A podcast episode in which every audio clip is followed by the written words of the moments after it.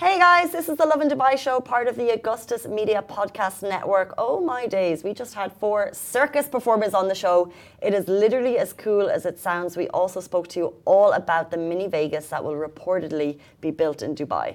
So besides all, if you're loving all this bling, make sure you hit the like and subscribe button. Good morning, Dubai. Welcome back to Lovin Dubai show, where we go through the top trending stories that everyone across the country is talking about. Our top story for you today, we have all of the information on the mini Vegas, which reportedly will be built in Dubai. A sad COP28 update regarding Pope Francis. But also what COP28 means for you drivers and where you can expect road closures. Also, congratulations to Saudi because Riyadh will be hosting Expo 2030. Such big news that came through last night, but also please stay tuned because later on in the show, we will be live with the incredible cast of the Great Circus of Europe running in Al Ain until December 16th. They're in costume. They're going to be sitting right here in just 20 minutes, so do stay tuned for that. But before we get there, Annika, you're sitting right there. Welcome to the show. Thank you. Thank you. Thank I'm you. happy to be here this fine morning. But I don't think people know like what goes on. How would they? I don't know what goes on behind the scenes in your office, but what goes on behind the scenes in our office is Annika's hard at work on a lot of the stories that you see on Lovin Dubai. Oh, yes, I am. Sometimes. so what are you doing the rest of the times? Just hard at work um, on social media, sourcing all those cool stories that you all see. And bringing in a delightful treats from your mom this morning, the cutest thing. Yes, I do. So my mom is back in town, which means that I get to uh, bring all these packed meals from home, and it's really nice because uh, it reminds me of when I was in school. And you know, when your mom brings you all those food, all this food, and like you know, you take it to school, and you feel like a child again. And because like every time you open your lunchbox, it's a surprise because you don't really know because she gets up early to cook, and you're just at home. Oh, moms are the best. Sorry, I'm seeing lots of comments coming through, and one comment here is that your mic needs to be a little bit closer to your mouth. Oh, okay. But can we just shout out Annika's mom because not only has she done the lunchbox for the day at work, which I'm slightly jealous of. Hi, mom. Um, but also she's brought bananas. So she brought bananas into the country. Is that legal? It is legal. okay, so it is legal to bring fruits and vegetables. Actually, there was a story a while ago of a lady who bought onions from Philippines or who took onions from the UAE to the Philippines because um, she because onions were too expensive. So this is a common thing. UAE onions are cheaper than Philippines onions? I think so because like UAE controls their inflation prices, whereas uh, in the Philippines or like in India it goes up. It just keeps going up. It's very interesting. I know, I think I'd be taking Irish strawberries anywhere around the world because they're the best. But the bananas that you brought, they're the mini ones, which you can't get too often in the supermarket here. But the mini ones are just. So They if you're, are how many did you bring? I think she's bought like a dozen, a bunch. I don't know how you call banana groups, but uh, a bunch of bananas. a bunch of bananas. So she's got a bunch. It's just like maybe for a week. They're delicious, those smallies. Yeah, those are actually from Kerala, which is where I'm from. So very interesting. Amazing. I love them. Like my mum, she brings all sorts back, like wild salmon in the suitcase. She freezes it, and it's this whole uh like a day process of like making sure it's absolutely frozen, packing it up. She packs it like the, the- also Irish brown bread will come back in the suitcase, of course. She brings it into that, and then you have a proper Irish breakfast. That's amazing. You know, um, it's just moms moms, and the things I do and food and the way it connects people. Because it's like you bring a little home in your suitcase. Tracy, say we have a technical audio issue, so I'm gonna come in and fix audio, uh, Annika's mic. Shout out to all of the moms out there. We also have a little bit of an audio issue. So, that's Ali. probably why you can't hear me. That's why you can't hear Annika. Ali K is going to come in and fix it. While he does, good morning to everyone on Instagram because I know that you can hear us. And Ben Lofty says, best morning to everyone, wishing you an amazing day ahead. How kind. Thank you, Ben. What? Ben Lofty. Ben Lofty. Thank you, Ben Lofty. You have been lofty with your remarks this morning. Could you keep that up? Yusuf says, Annika's back on the morning story. Woot.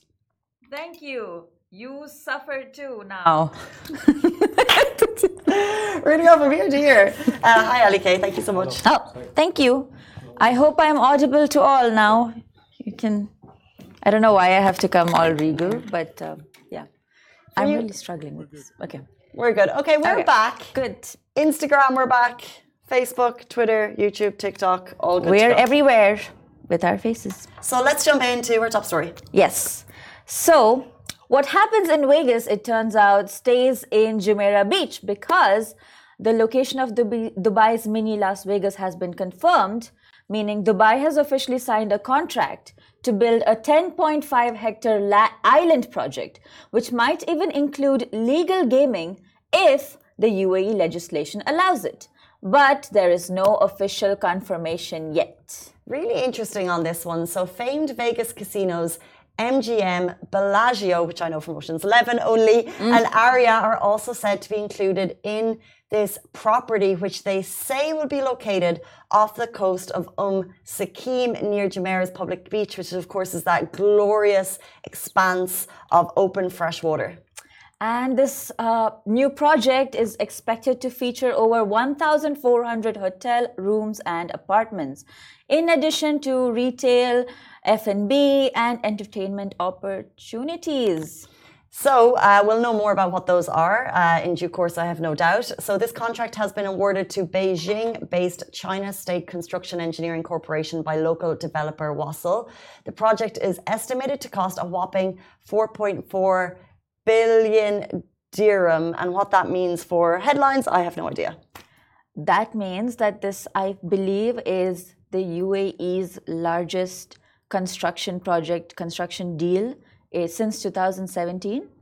So this is a big up for retail, for investments, for real estate, because you know everything's looking up in the UAE, especially in Dubai. So it's very amazing. It's a huge contract, and I think we are probably throwing around the term Vegas maybe a little loosely because Yeah. what we know on the legislation front is there is a body. Uh, we know, you know, people have been drafted in, experts in gaming have been drafted in from all over the world to look at the safe uh, possibilities of bringing um, legalized gaming to the country. However, it would be based on emirate by emirate and what emirate by emirate allows. So there's actually no clear word on whether there will be gaming in the country, uh, especially in Dubai. However, it is interesting to see the names of the Vegas hotels coming, and that's why people are saying the mini Vegas is coming to Dubai because we're Yep. going to see the likes of MGM, Bellagio, and Aria all in one island space.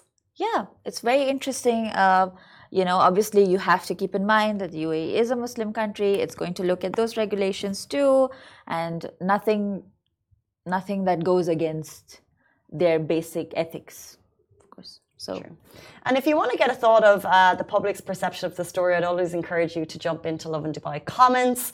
Uh, a lot the- goes on there, especially about this story. So feel free to take a look. And then we'll jump into our next story. Big news on COP28 front. Uh, Pope Francis, excuse me, has cancelled his COP28 visit. In just one day, delegates from around the world will convene here in Dubai for the UN Climate Change Conference COP28. It will mean two weeks of crucial negotiations, lively discussions, and global collaboration to boost climate action and ambition, which unfortunately, it was announced last night, Pope Francis will not be part of. Pope Francis has cancelled his three day trip to Dubai and COP28, according to reports which stated that he has the flu and he is cancelling with great regret. The Vatican commented although the Holy Father's general clinical condition has improved with regard to the flu and inflammation of the respiratory tract, doctors have asked the Pope not to make the trip planned for the coming days to Dubai while the COP28 team wishes His Holiness Pope Francis swift and complete recovery. which of course we all do. It was thought the Pope would deliver a keynote speech at the event, which he himself recently tweeted could be a turning point in the battle of climate change. We know the Pope is keenly involved in climate change action, it's one of his key concerns. And he tweeted on Monday before announcing his cancellation that we believe in the capacity of human beings to transcend our petty interests and to think on a grand scale. We cannot give up on dreaming that COP28 will lead to the acceleration of the energy transition. This conference could be a turning point. So it's a real shame uh, that unfortunately we won't see him delivering that keynote speech on Saturday. I know my mum was keen to get down there to catch a glimpse of the pontifex. But you know what? Don't lose hope too quick because the COP28 team are investigating other ways to still ensure his participation. And we live in the global era of Wi Fi and Zoom and all these technologies. I'm pretty sure we might be able to see a brief meeting. Maybe not a three day meeting, but a brief. A hundred percent, he did it. That's so true. And we'll also see uh, King Charles of the UK is expected Mm, to is also uh, appear, and of course, climate change um, and sustainability is also close, cause very close to his heart as well. Yes. So we're looking forward to his visit, which of course means if you're having world leaders, delegations coming to the city, there is going to be some traffic updates that you need to be aware of. Yep, and that is why, in preparation for COP28 and Union Day, the Dubai's Road and Transport Authority, the RTA, has announced a temporary rerouting of the traffic on Sheikh Zayed Road towards Abu Dhabi from the Trade Center roundabout to the Expo intersection. So this is quite a major diversion, and obviously Yep. they're offering alternative routes. But I would really take note of these. The diversion is set to run from 7 a.m. until 11 a.m. for all three days of the long weekend. But the RTA has, of course, proposed alternative routes to maintain a smooth flow of traffic across the city. So the plan involves the use of alternative routes such as, now take note of this, Sheikh Mohammed bin Zayed Road, Sheikh Zayed bin Hamdan Al Nahyan Road, Emirates Road, Al Khail Road, Jumeirah Road, Al Wasl Road, and yeah, Al Khail Road, I said again. so just that's those are the roads. Very interesting. A lot of traffic there. A lot of traffic usually in Sheikh Zayed Road. I think the timing from 7 to 11 on the long weekend isn't peak traffic time. If this was during a, a work day, it would have it would cause a major effect. Now it's the long weekend. Most of us are going to be in bed until. Although, I mean, to be fair, National Day is a time, Union Day, National Day, it is a time when we all come out and, Yeah. like, you know, go in the streets, the flags and the cars with the flags, you know, they love to drive past. Sheikh Zayed Road was a, is a very iconic place to take those flag on the car pictures. But um, let's see. You know what, though? I have memories of whenever uh, a dignitary would descend on Dublin. Uh, for example, King Charles and Camilla came at one point, Yeah. and all the streets were lining, like well, ready to welcome them. Mm-hmm. And this means, like during these times, you will see, you know, very important figures, like very. I imagine it's going to be a totally empty Sheikh Zayed Road. think of COVID time, and then there'll be the most amazing car convoys driving past, and you know, you just want to know who's inside, and hopefully there'll be flags that we can try and guess who it is. But it, it is, uh, it's a big. This is a big boon for Dubai to be hosting COP28, and we'll have all of the information on that. By the way, just as a reminder, you can attend.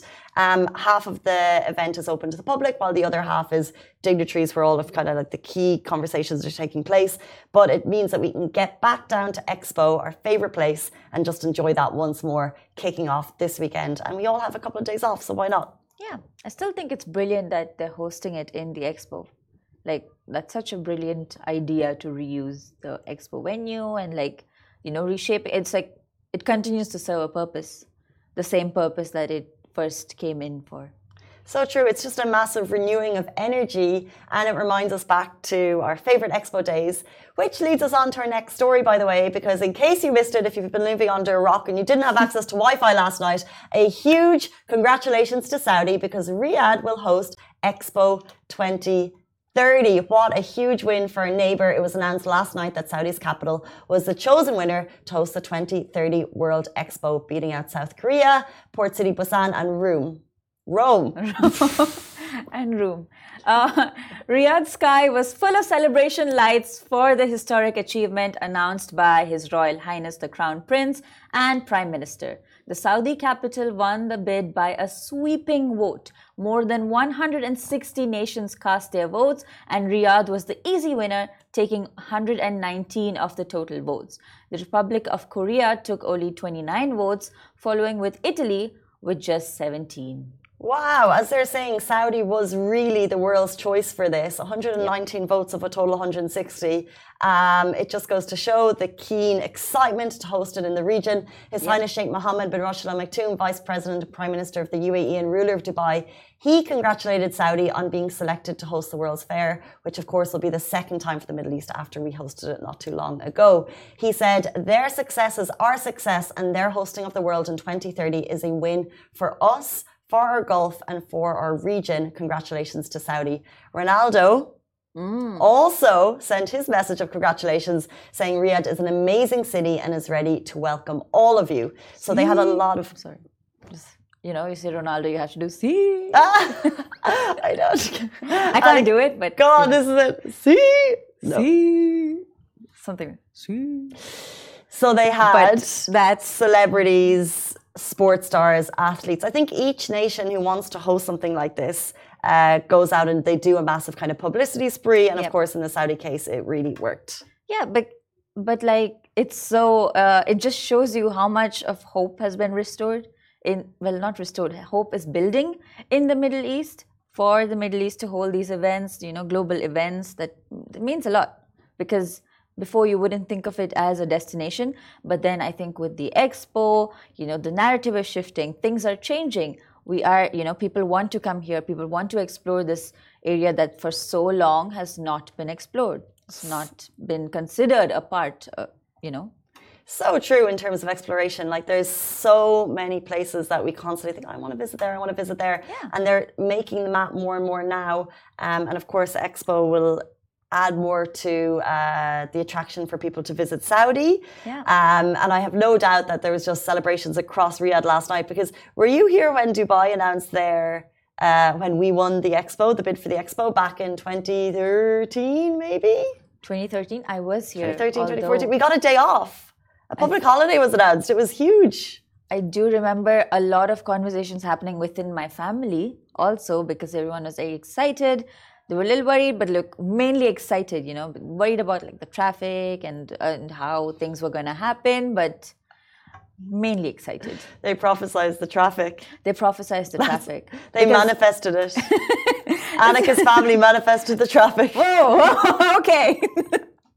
I think it was just mainly like, uh, you know, once a city hosts something as big as the expo, there's no turning back. You know, you everybody wants to come there because it gets so much global media attention. And a city like Dubai, which everybody so far it was like everybody knew Dubai as like this beautiful little place, but like we would all come secretly enjoy and then go back. Like well, not secretly, but like we would live here, we had our own lives, and then now the whole world is getting to know about it. So that means the whole world is going to secretly come and enjoy, and then they wouldn't go back. And now we're just a booming city with thriving real estate and thriving traffic and thriving everything. Driving everything. It's such a strong point because really in terms of everyone's perspective the how dubai is seen across the world has just changed dramatically over the last five ten years and the expo was such a success. It and, was. and in the lead up to the uh, the expo we really didn't know what it was about. We knew what it was about but we really really didn't know how it was going to unfold. And i think as soon as you stepped in that first time and saw the incredible uh, pavilions for each country and all the amazing pop-ups and the events and the constant calendar of events that was just jam-packed it just was just a shining beacon and people had so much fun. I don't know how many times we were out there. Yeah. um, and i have no doubt that saudi will put on the same type of show in 2030 Exactly. It's going to be so fun. People are going to now look to Riyadh, and already Riyadh is like undergoing a whole tourism boost. You know, so much advertising, so much marketing just to like come there because it's it's a beautiful city. So why would you not go there? So exciting days for the Middle East. won't be the same as Dubai's, but whatever. we gotta post. But if you want the latest on uh, the updates, do check out our sister sites, uh, Lovin Saudi, and then we also have uh, Lovin Riyadh, of course, is our English sister page. In um, you can check it out on Instagram, Facebook, the same places that you follow Lovin Dubai. You'll find Lovin Riyadh on our Lovin Saudi pages. Speaking of excitement, very shortly, we're going to be joined by the incredible cast of the Great Circus of Europe. They are bringing, they have the circus in Al Ain right now, running until December 16th. It looks like a lot of fun, and we are so excited to have four cast members on the show very shortly. Do stay tuned. Hey guys, welcome back to the Lovin Dubai show. Today we have something truly amazing for you. The Great Circus of Europe, which is Europe's largest touring circus. It's in Al Ain right now until December 16th. It is a breathtaking fusion of timeless circus traditions, cutting edge performances. And on the show today, we have none other than Serik, the incredible acrobat and tent master, Sandra, the charismatic ringmaster and general manager, Leia, the enchanting dancer, and Lady, the fearless female Globe Trotter. Welcome to the show, Globe Trotter. Thank you so much for being here, all of you. You're looking fantastic. So much bling in my eyes right now. You really put the shine in my eyes. and so, Sandra, you are the ringmaster. So, tell us what is it like to welcome a crowd to the circus? It's the most fantastic feeling. It really is. We are here just to put smiles on people's faces. We're here to entertain. Um, circus is timeless. Circus is ageless, transcends every race, religion, language, culture, because it's a visual art. So there is nothing like circus. You know, it's so interesting because um, the minute you stepped in, and I like from your outfit, I can tell you're the ringmaster. But I had a moment of unlearning because I think throughout childhood, like when you read books or you see things about the circus, you see ringmaster, you see like this mean old man, and suddenly here's this like amazingly sweet, lady. shiny lady, and you're just like, oh, it doesn't always have to be a mean old man. No, it doesn't. It doesn't. That's not to say that I'm not in charge. in Of the course, ring. It's so interesting you say that because I have so many amazing memories of the circus growing up, and I'm sure you guys too. Like, what actually inspired you individually to get involved in the circus? Well, first, first of all, I started with the circus when I was 11 years old, and I went for the actual circus college for four years. And there, obviously, they train you for four years for uh, juggling, acrobatics, gymnastic, history of the circus, even a ballet, everything. And then after that, obviously, when you are finishing, you have to choose an act. I started with a high wire and mm. that's the height I remember when I was 12 years old. That was 11 meter high, and we used to do a four man high pyramid, and on top of it another three four meter. So that was the my first step to the circus, and then from there I start traveling. Have, has, like, have there ever been any injuries? Oh, it's a lot, a lot, a lot of injuries. You look, you look a lot of injuries. put together. You look fine. no pain, no gain. yeah. That's circus. Like obviously we when we perform, we get nervous. We get especially when you had an accident. Like we had a few accidents. I had like loads of accidents, not a few, but it's just uh, Passion. passion and the adrenaline when you are in a stage and you hear the audience that they enjoy it and you see the smile of the kids and that keeps you going. Amazing. and obviously I did I did start it with a high wire and after the high wire I joined to it. Chinese pole it's vertical pole six and a half meter. You have to jump from pole to the pole mm. I then- remember these. Yeah. yeah and then after that I start training aerial straps which is I do with my brother aerial straps as well and when we get bored when you don't have the adrenaline mm. that you already get used to you start training something else to get the adrenaline get the excitement and feel the energy and everything and now we start i'm start training with my wife is the crossbow act Wow. the crossbow that she has to hold the target and then I have to shoot the. So we How start do you training. train for something like that? Well, after Carefully. caref- carefully, obviously, carefully, and we, I, I put it first a target, and I practicing a target, and then I said, I feel a bit confident now. Would you like to go hold it for me, the target? And she stays there. She holds it. That's all about trust. Circus life comes with a trust. You have to trust, and that's the only way it works. I cannot wait to see it live. and what about you two? How did you get involved in the circus? What kind of led to the moment that you took the stage? Um, well, I started dancing when I was really little and then went to college, trained professionally, and then I started looking for jobs. I had some of my friends already work there and they were like, we need more dancers. And I joined a year and a half ago just for, be like, I'll do it for a little bit, but I've not stopped and I don't really look at leaving soon because it's just so much fun. It's so different to anything I ever imagined I would do. Amazing. Wow. Yeah. But you? when did you start? Okay. Um, I'm from Colombia. Eh, I'm from Colombia. Eh, eh, all my life in circus, I know the quarter generation in my family.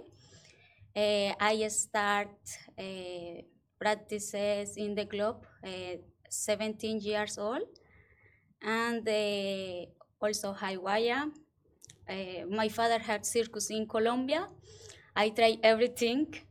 Um, for the globe of the app, uh, when I stay out from the globe, I very scared, but uh, I go inside. All is perfect. I like my work. I very uh, have too much adrenaline, and uh, I I very funny inside really. I Amazing, like. guys. It's so wild. It's great. So you call yourself the fearless female globe rider. Does that mean you go around on the bike? She does indeed, yes. Wow. She is uh, the world's only female globe rider. So, Wow. yes, she, Wow, we are she is a force to be reckoned with. so what's the most like thrilling act that you have performed in the circus? Oh, Sarah. Oh. Mine is we were we was I think back in UK we was performing and then one of the performers he didn't feel well. He went like Uh-oh. I need a replacement wheel of death, the spinning wheel. And then I said just okay, give me your costume, I'll replace you. And then I went in there before the show. Obviously, I did practice, but mm-hmm. not for a long. But I did feel confident. But I needed that adrenaline, and I wanted to feel that. And then I said to him, "Okay, let me do it." We didn't. I didn't practice before the show, but I thought I was confident. But I said, "Please let me replace him. Let me go in. Show must go on." They went like, "Are you sure?" I said, 100 percent." I said, "You'll be okay." I said, 100 percent. Don't you worry about me. I said, just give me a costume, I'll go in. But before, I never performed that front of audience. I just practiced a little, and they went like, okay. So I go in. That was the my most like experience and most exciting thing that I've done. Just step in and do the wheel of death, and that was spinning, and you have to keep spinning and do the jumps and everything, and that was the my most exciting thing I've done as well. Dare I ask? has it has it ever not has it ever not has it ever gone wrong Yes, in a public setting? Unfortunately, as as a live performance, it does happen, and we had a few accidents on the wheel as well. We have even in the strap with myself. I was working the poles as well. One time it was, I tell you the story. I was in London, Winter Wonderland, and then we were doing with my partners. I was working the Chinese poles, and mm. then all of a sudden I just got up. I said, "What happened?" They said, You just fell down. But I said, I can't remember. I said, What happened? What trick? What combination I was doing it? So apparently I gone up and then I slipped and I fell down. And then I got up. It's a full house of audience. And then I asked my partner, I said, What happened? I said, Why? He said, You just fell down. I said, What combination and what trick? And then he goes, Are you going back up? I said, Yes, of course. I have to go back up. Otherwise, if I'm going to have that fear, then I won't be able to do it. So, same place, same spot, I went up and I did that trick. And then next shows, I was absolutely fine. Wow. Pure bravery. The show must go on. Show must go on. Always. Always. And so if you have a once, if you have an accident, if you don't go, but for me, if I don't go back in straight away, then if I have the fear, it's going to take me a bit longer time to get the confident. But if it happens in a spot, if I go back up, if I do it, then I'll be fine next couple of hours, and then I can just carry on doing it. So interesting. You say the show must go on always. What does that mean in terms of bringing the largest circus in Europe to the UAE? And what kind of logistics go into all of you traveling together? I can't even imagine. Mm. Sounds like a lot of fun, to be honest.